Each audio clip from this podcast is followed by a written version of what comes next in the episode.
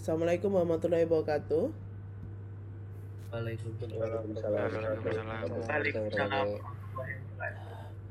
Um, minggu lalu kita sudah membahas mengenai digital divide dan uh, memang pembahasan setelah UTS itu pembahasan lebih ke konsep-konsep uh, atau fenomena-fenomena yang terjadi dengan adanya uh, uh, sebentar teknologi informasi gitu. Kalau kemarin uh, kondisinya kalau ternyata ada yang tidak terkoneksi internet itu kondisinya gimana?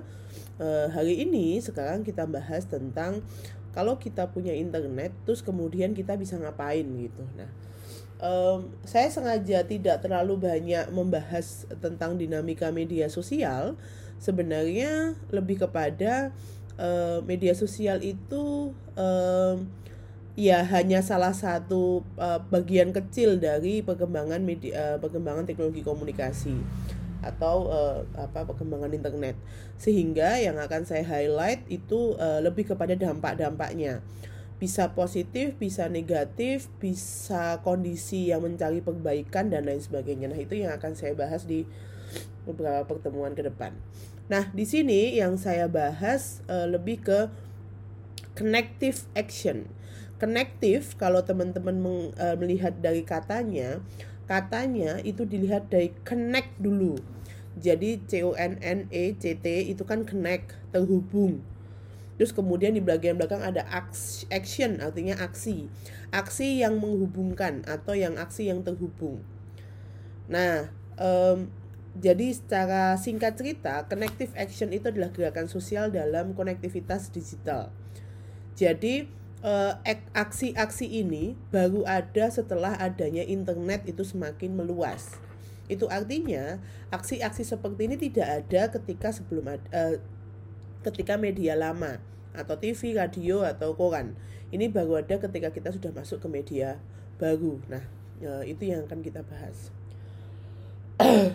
um, uh, connective action itu berasal dari konsep cyber activism cyber aktivitas aktivisme berarti sama kata-katanya dari cyber dunia cyber lalu kemudian activism aktivitas dilakukan di dunia cyber nah um, sekilas uh, konsep tentang logic of connective action dan lain sebagainya ini uh, saya ambil dari bukunya Willow W. Lance Bennett and Alexander Segerbert tahun 2012 di mana nanti beberapa konsep um, memang uh, harus berawal dari cerita di tahun 2011 dan 2012. Oke, okay. um, teman-teman tuh kelahiran tahun 2000 ya? Iya, 2000 ya? 2001. 2001. Oke, okay, 2001. Berarti pas tahun 2010 kalian baru 9 tahun. 9 tahun tuh baru SD. Oh iya. Nah, semoga tahu lah ya gitu. Nah kenapa yang saya uh, saya perlu cerita gitu? Karena teman-teman itu kan um, tidak mengetahui um, apa ya tidak mengetahui fenomena besar di Indonesia ketika tahun 98 98 itu kan ketika uh, reformasi um, apa namanya reformasi masuk itu um, apa teman-teman belum lahir. Nah kemudian um, apa banyak hal yang memang uh, setelah itu terjadi cuma memang untuk kebangkitan Indonesia itu relatif di tahun 98 itu yang signifikan. Nah, yang akan kita bahas di sini justru lebih kepada kampanye global multinasional. Jadi nggak ngomongin satu negara tapi kita ngomongnya global. Dan uh, ini ini ini ini saya sebenarnya uh, uh, ya saya udah saya udah uh, saya sudah berkecimpung di um, apa uh, di uh, di sini. Cuman kemudian uh, ada yang menarik tahun 2010. 2010 itu ada namanya gerakan Arab Spring. Arab Spring. Jadi memang kebangkitan negara-negara Arab di mana kemudian dimulai dari negara-negara di Mesir, lalu kemudian di Tunisia dan lain sebagainya.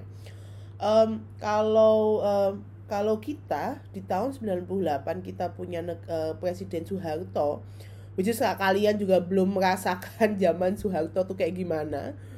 Um, zaman Soeharto itu kelihatannya baik-baik saja. Jadi kalau kalian membayangkan kalian itu sedang hidup di dunia dongeng lah gitu. Dunia yang baik-baik saja tapi ternyata dalamnya yang heboh kayak gitu. Nah itu adalah dunia ketika Presiden Soeharto gitu. Nah di Mesir itu ada juga presiden yang uh, berkuasanya sudah 30 tahun namanya Husni Mubarak nah uh, tahun uh, revolusi Mesir tahun 2011 itu uh, intinya adalah menuntut lengsernya uh, Husni Mubarak bedanya di Indonesia di Indonesia itu kan tahun 2000 uh, ya tahun 1998 itu belum inter, belum ada internet. Kalau 2000, 2011 sudah ada internet di mana uh, lengsernya Presiden Husni Mubarak ini uh, menggunakan media-media baru. Uh, mereka menggunakan teknik pemberontakan sipil dan memanfaatkan media sosial. Contohnya Facebook, Twitter, YouTube, Skype untuk meng, uh, untuk mengorganisir gimana caranya bisa janjian dan uh, mau mengangkat isu apa dan lain sebagainya serta uh, untuk kemudian sama-sama meningkatkan kesadaran masyarakat ini loh yang udah dilakukan masa yang dilakukan pemerintah sampai 30 tahun tuh segininya. Nah, itu yang kemudian uh, apa namanya? Itu yang kemudian di um, apa dilakukan oleh Mesir tahun 2011. Nah, um, ketika tahun 2011 kemudian uh, banyak negara-negara yang seperti uh, di daerah Arab negara Arab itu yang melakukan uh, pemberontakan tapi sebenarnya semakin ke sini uh, mungkin ya mungkin uh, banyak hal yang kalau di kita nanti kita ada satu section sendiri nanti akan saya bahas di belakang. Tapi connective action untuk hal yang kalau ini kan which is kita mau ngomong kebaikan atau keburukan itu hanya masalah persepsi. Tapi yang jelas ini sangat politis seperti itu. Ini ada ada ada ada unsur politisnya gitu. Karena membawa um, satu dua nama yang dilengserkan dan lain sebagainya. Tapi ketika berbicara mengenai kampanye yang sifatnya um, apa ya kesadaran sosial, konsep connective action ini menarik sekali gitu. Contohnya tentang Women March, uh, kesadaran-kesadaran terhadap hak-hak wanita. Art Owl, kesadaran kemudian menggunakan listrik, eh, kesadaran dalam menggunakan atau menyayangi lingkungan, dan lain sebagainya. Nah, um, kalau di Indonesia ini tahun lebih lebih awal lagi uh, lebih awal lagi tahun 9, uh, 2009 2009 itu telah ada yang namanya koin untuk perita ada yang uh, pernah dengar cerita dari koin untuk perita perita itu siapa? Oke let's say kalian yang belum tahu. ya, gimana? Yang pasien di rumah sakit itu bu. Mm -mm. masih ingat gak namanya rumah sakit apa? Apa? Terus dia ngapain? Masih inget gak menggalang dana dari ini koin. Oke jadi gini ceritanya itu.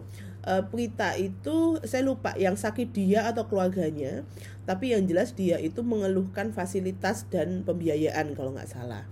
Lalu kemudian dia itu menuliskan email ke teman-temannya cerita gitu.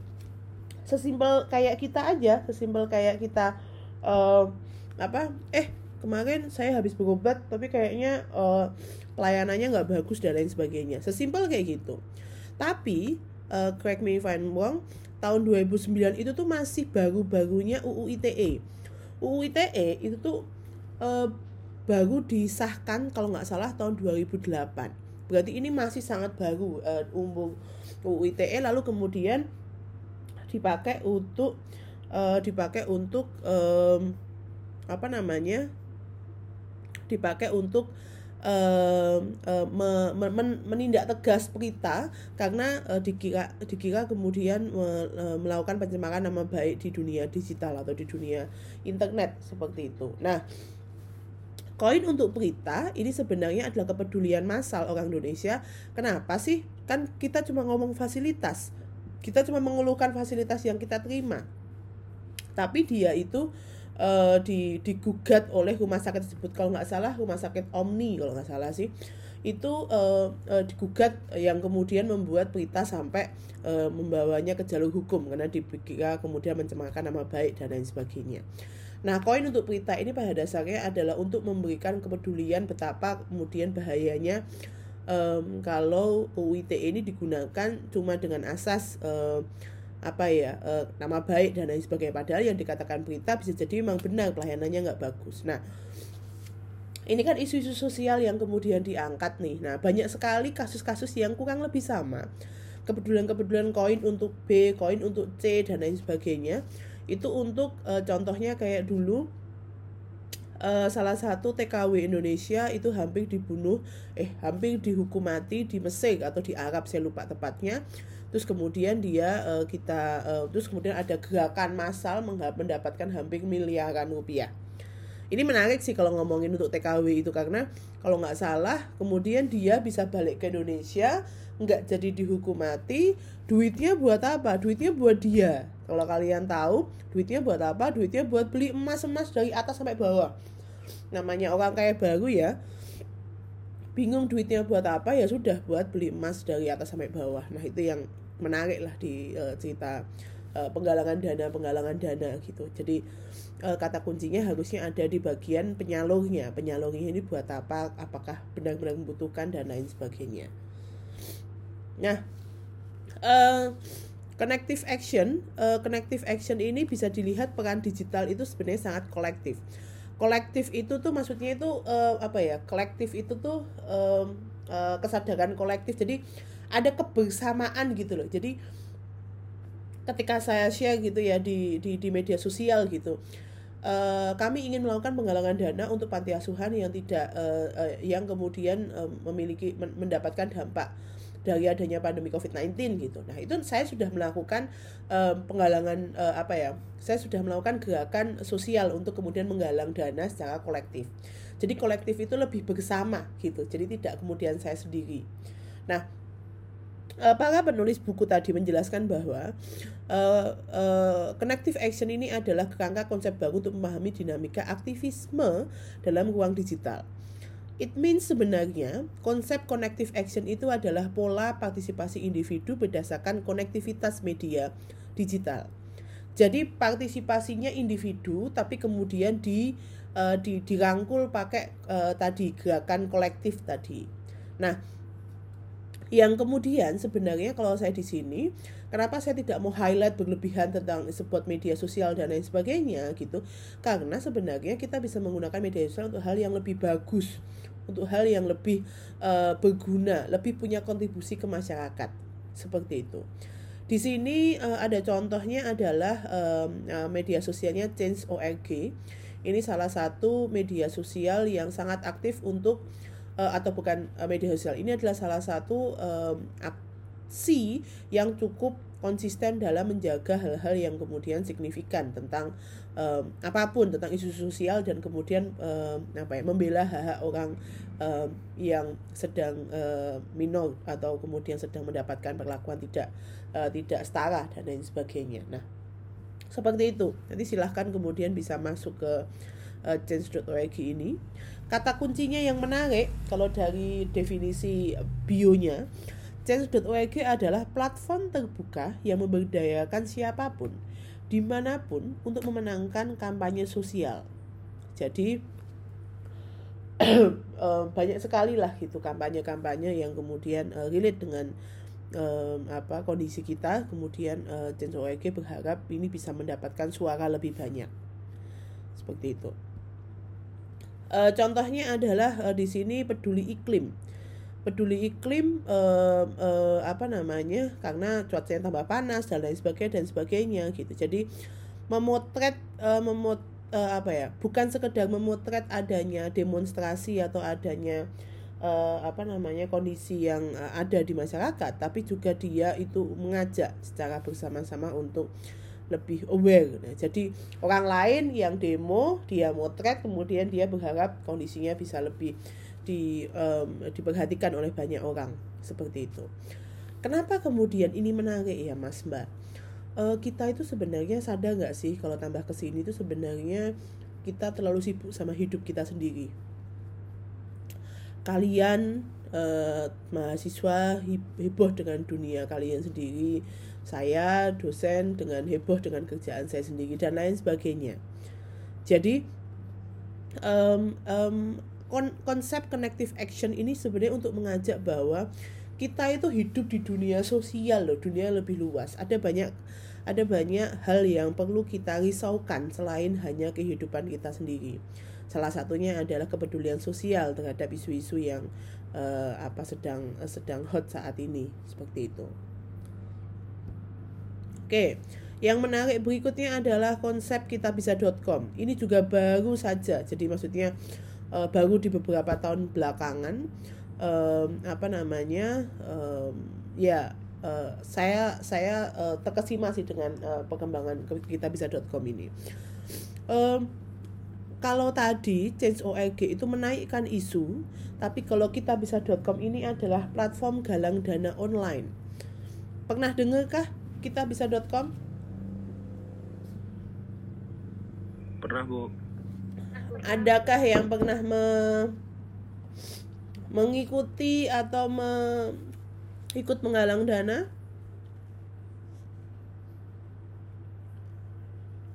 Kalau menggalang dana belum pernah, Bu. Kalau ikutan donasi? Pernah. Pernah. Ya. Oh. Duh, saya kok pilek kayak jadinya ya. Sorry. Ya, kalau teman-teman perhatikan di bagian bawah ada hal menarik. Jadi dalam sebuah um, kalau kita bisa.com itu membiasanya platform untuk mengakomodir kalau ada yang sakit keras kemudian dananya nggak ada dan lain sebagainya atau yang anak kecil yang dengan berbagai macam gangguan dan lain sebagainya. Nah, um, oke okay lah itu nggak perlu kita potret karena kurang lebih sama. Hal yang menarik sebenarnya adalah ini saya uh, cukup terkesima dengan idenya. Karena ketika kita ngomongin orang sakit, yang diperhatikan cuma orang sakitnya saja. Padahal sebenarnya orang sakit itu satu orang, tapi yang nunggu itu biasanya bisa satu, dua, tiga orang. Dan yang nunggu ini kan juga capek. Dan yang nunggu ini kan sebenarnya uh, uh, juga butuh istirahat. Dia juga butuh makan dan lain sebagainya. Dan kalau orang nunggu, dia itu makanya beli sendiri. Padahal untuk biayai keluarganya aja mereka sudah uh, berat seperti itu. Nah itulah kemudian ada yang menarik dari uh, konsep yang ini. Itu adalah um, warung gratis bisa makan. Tiap rumah sakit kami sering lihat keluarga pasien yang kesulitan beli makan. Jadi ada food box gratis.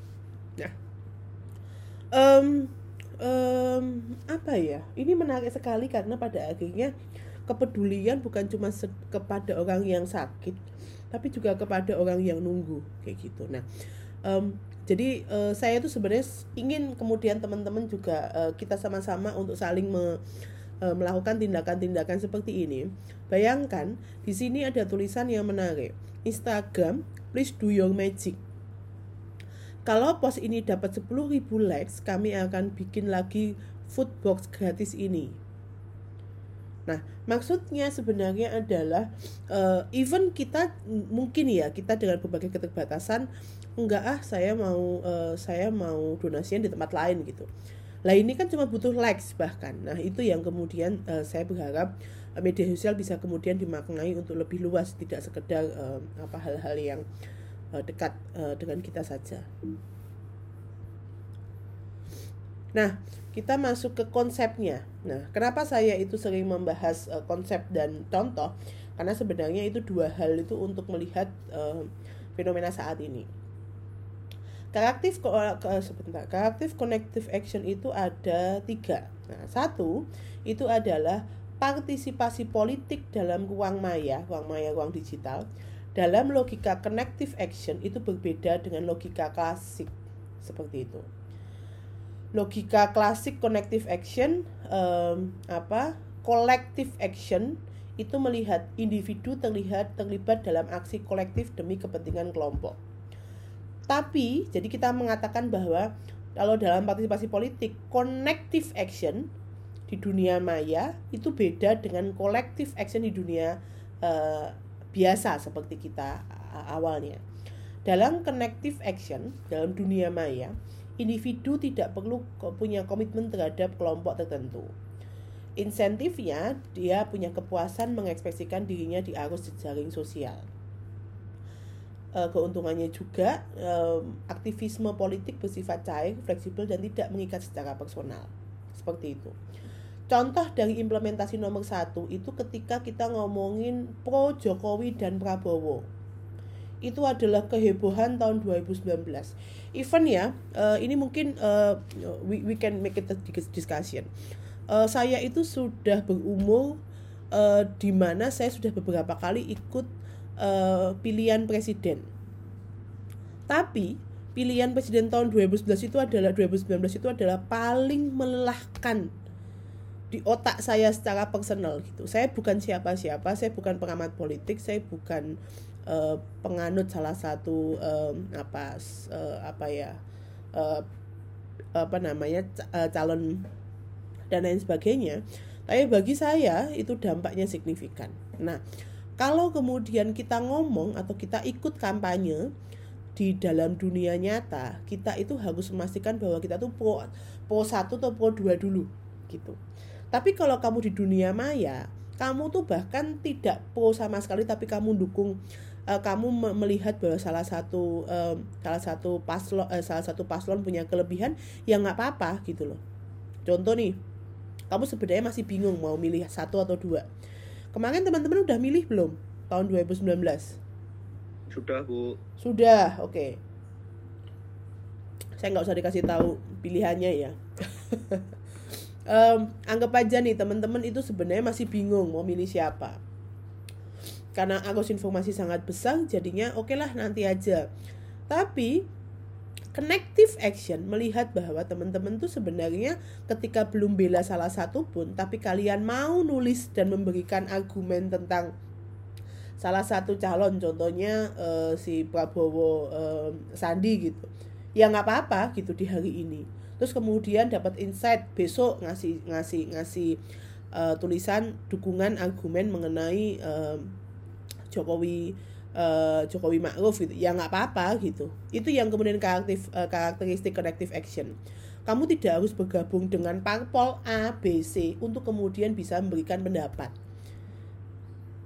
Jadi media digital itu is about bagaimana kamu itu mengekspresikan dirimu tanpa terkungkung sama adanya kelompok identitas gitu loh. Jadi kamu nggak harus jadi simpatisannya PDIP untuk mengatakan bahwa kamu pro Jokowi gitu dunia digital tuh menjadi segini bebasnya lah gitu untuk kamu eksplorasi. Nah, poin nomor satu sudah paham ya, jadi lebih kepada kamu tidak harus terkoneksi dengan salah satu kelompok, asalkan kemudian di sini kamu tuh bebas mau mengekspresikan seperti apa. Hati-hatinya dari konsep connective action ini adalah um, apa um, UITE tadi, jadi tetap harus hati-hati dan lain sebagainya e, berikutnya itu adalah dalam media digital, partisipasi politik lebih menyerupai ekspresi personal individu dibandingkan aksi kelompok. Adanya hashtag menjadi bingkai bersama sebagai penanda isu, tapi pemaknaan berbeda dengan satu yang lain. Nah, jadi gini, ketika tadi kamu menjelaskan bahwa oke, okay, saya mau ngomong tentang um, apa namanya um, mendukung Prabowo Sandi gitu. Nah, di situ kemudian teman-teman ya udah teman-teman dianggap sebagai satu orang, bukan mewakili bukan mewakili uh, uh, apa ya simpatisannya Prabowo Sandi kayak gitu.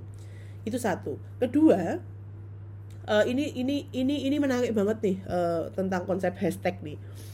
Teman-teman kalau uh, uh, apa nama saya saya mulai ngecek Twitter lagi karena Twitter ternyata bikin heboh beberapa hari ini. Sebenarnya hashtag ini ketika kemarin ada konsep omnibus law gitu ketika kita klik omnibus law tidak semuanya ngomongin omnibus law gitu. Bisa jadi cuma sesimpel uh, wah lagi rame nih hashtag omnibus law. Ah capek ah malas komentar. Itu juga nggak apa-apa gitu loh. Jadi kan itu itu kan ekspresi diri saya sendiri. Saya tuh tahu bahwa ada kehebohan hashtag omnibus law. Tapi saya malas komentar aja kan nggak apa-apa. Kata kuncinya di sini adalah bersifat personal sesuai dengan aspirasi harapan keluhan keyakinan dan gaya hidup masing-masing.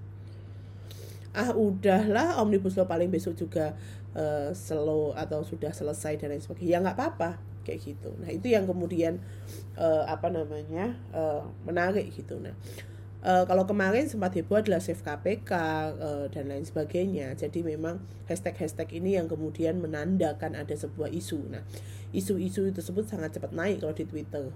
Uh, apa? Um, apa? Connective action ini, connective action ini, um, nah ini menarik nih nomor tiga ini. Jejaring komunikasi menjadi inti pengorganisasian dalam ruang digital, menggantikan peran hierarki pimpinan dan keanggotaan. Media sosial tidak tidak cuma jadi kanal, tapi menyediakan struktur dan space untuk membentuk persepsi, mengkoordinasikan aksi, dan lain sebagainya mulai dari debat dan lain sebagainya. Nah, nomor tiga ini kayaknya lebih lekat ketika kita ngomongin kemarin ketika para fans K-pop kemudian uh, secara signifikan mereka bisa membawa isu um, omnibus law. Jadi uh, pengamat Twitter Bapak Ismail Fahmi itu menjelaskan bahwa omnibus law itu tuh sebenarnya isunya sudah lama, sudah sudah naik uh, walaupun sudah ketika kejadian-kejadian di Jakarta naik itu sebenarnya sudah sudah sudah ada gitu. Tapi kok nggak nggak nggak nggak nggak viral lah nggak trending lah gitu di pencarian gitu. Kenapa? Karena kemudian memang e, e, mereka tidak mengorganisasikan aksi. Nah, kalau kita ngomongin fans K-pop, fans K-pop ini ternyata sekarang mengkoordinasikan aksinya lebih signifikan. Jadi ketika mereka aware dengan dunia-dunia politik, mereka langsung bikin hashtag Omnibus Law boom lah langsung naiklah di trending nomor satu itu di Twitter.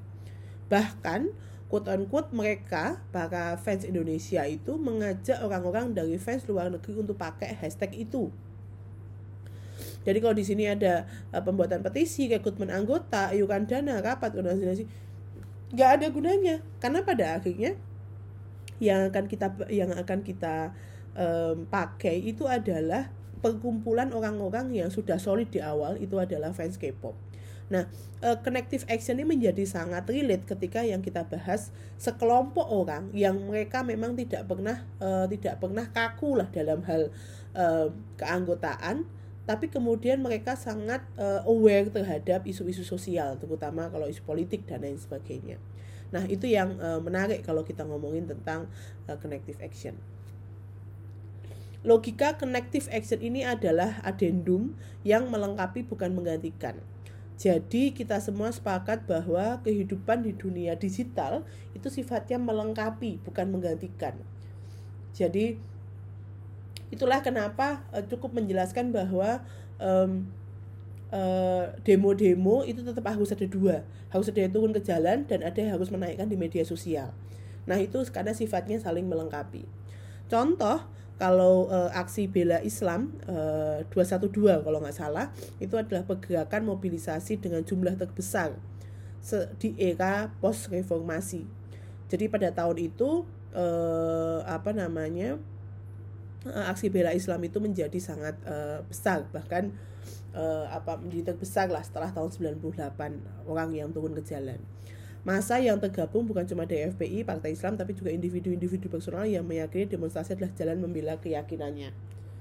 Kalau kasus ini berarti kan memang dua ini. Jadi mereka biasanya turun ke jalan, melakukan uh, collective action, jadi langsung melakukan aksi yang kolektif, datang langsung, jalan langsung, membawa spanduk dan lain sebagainya. Tapi mereka juga sembari membagikannya informasi tersebut di media sosial. Berarti orang lain akan tahu apa yang sedang dia yakini saat ini seperti itu. Oke ada pertanyaan atau diskusi tentang uh, connective action. Oh ada yang kemarin ikutan menaikkan trending omnibus law? Siapa?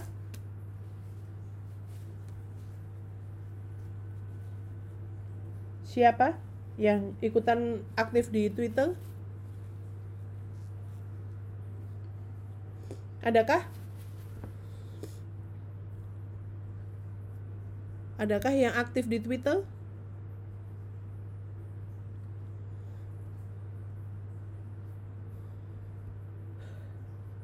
Halo, halo, halo. Di sini adakah yang aktif aktif di Twitter? Saya lumayan, Bu. Oke, mengikuti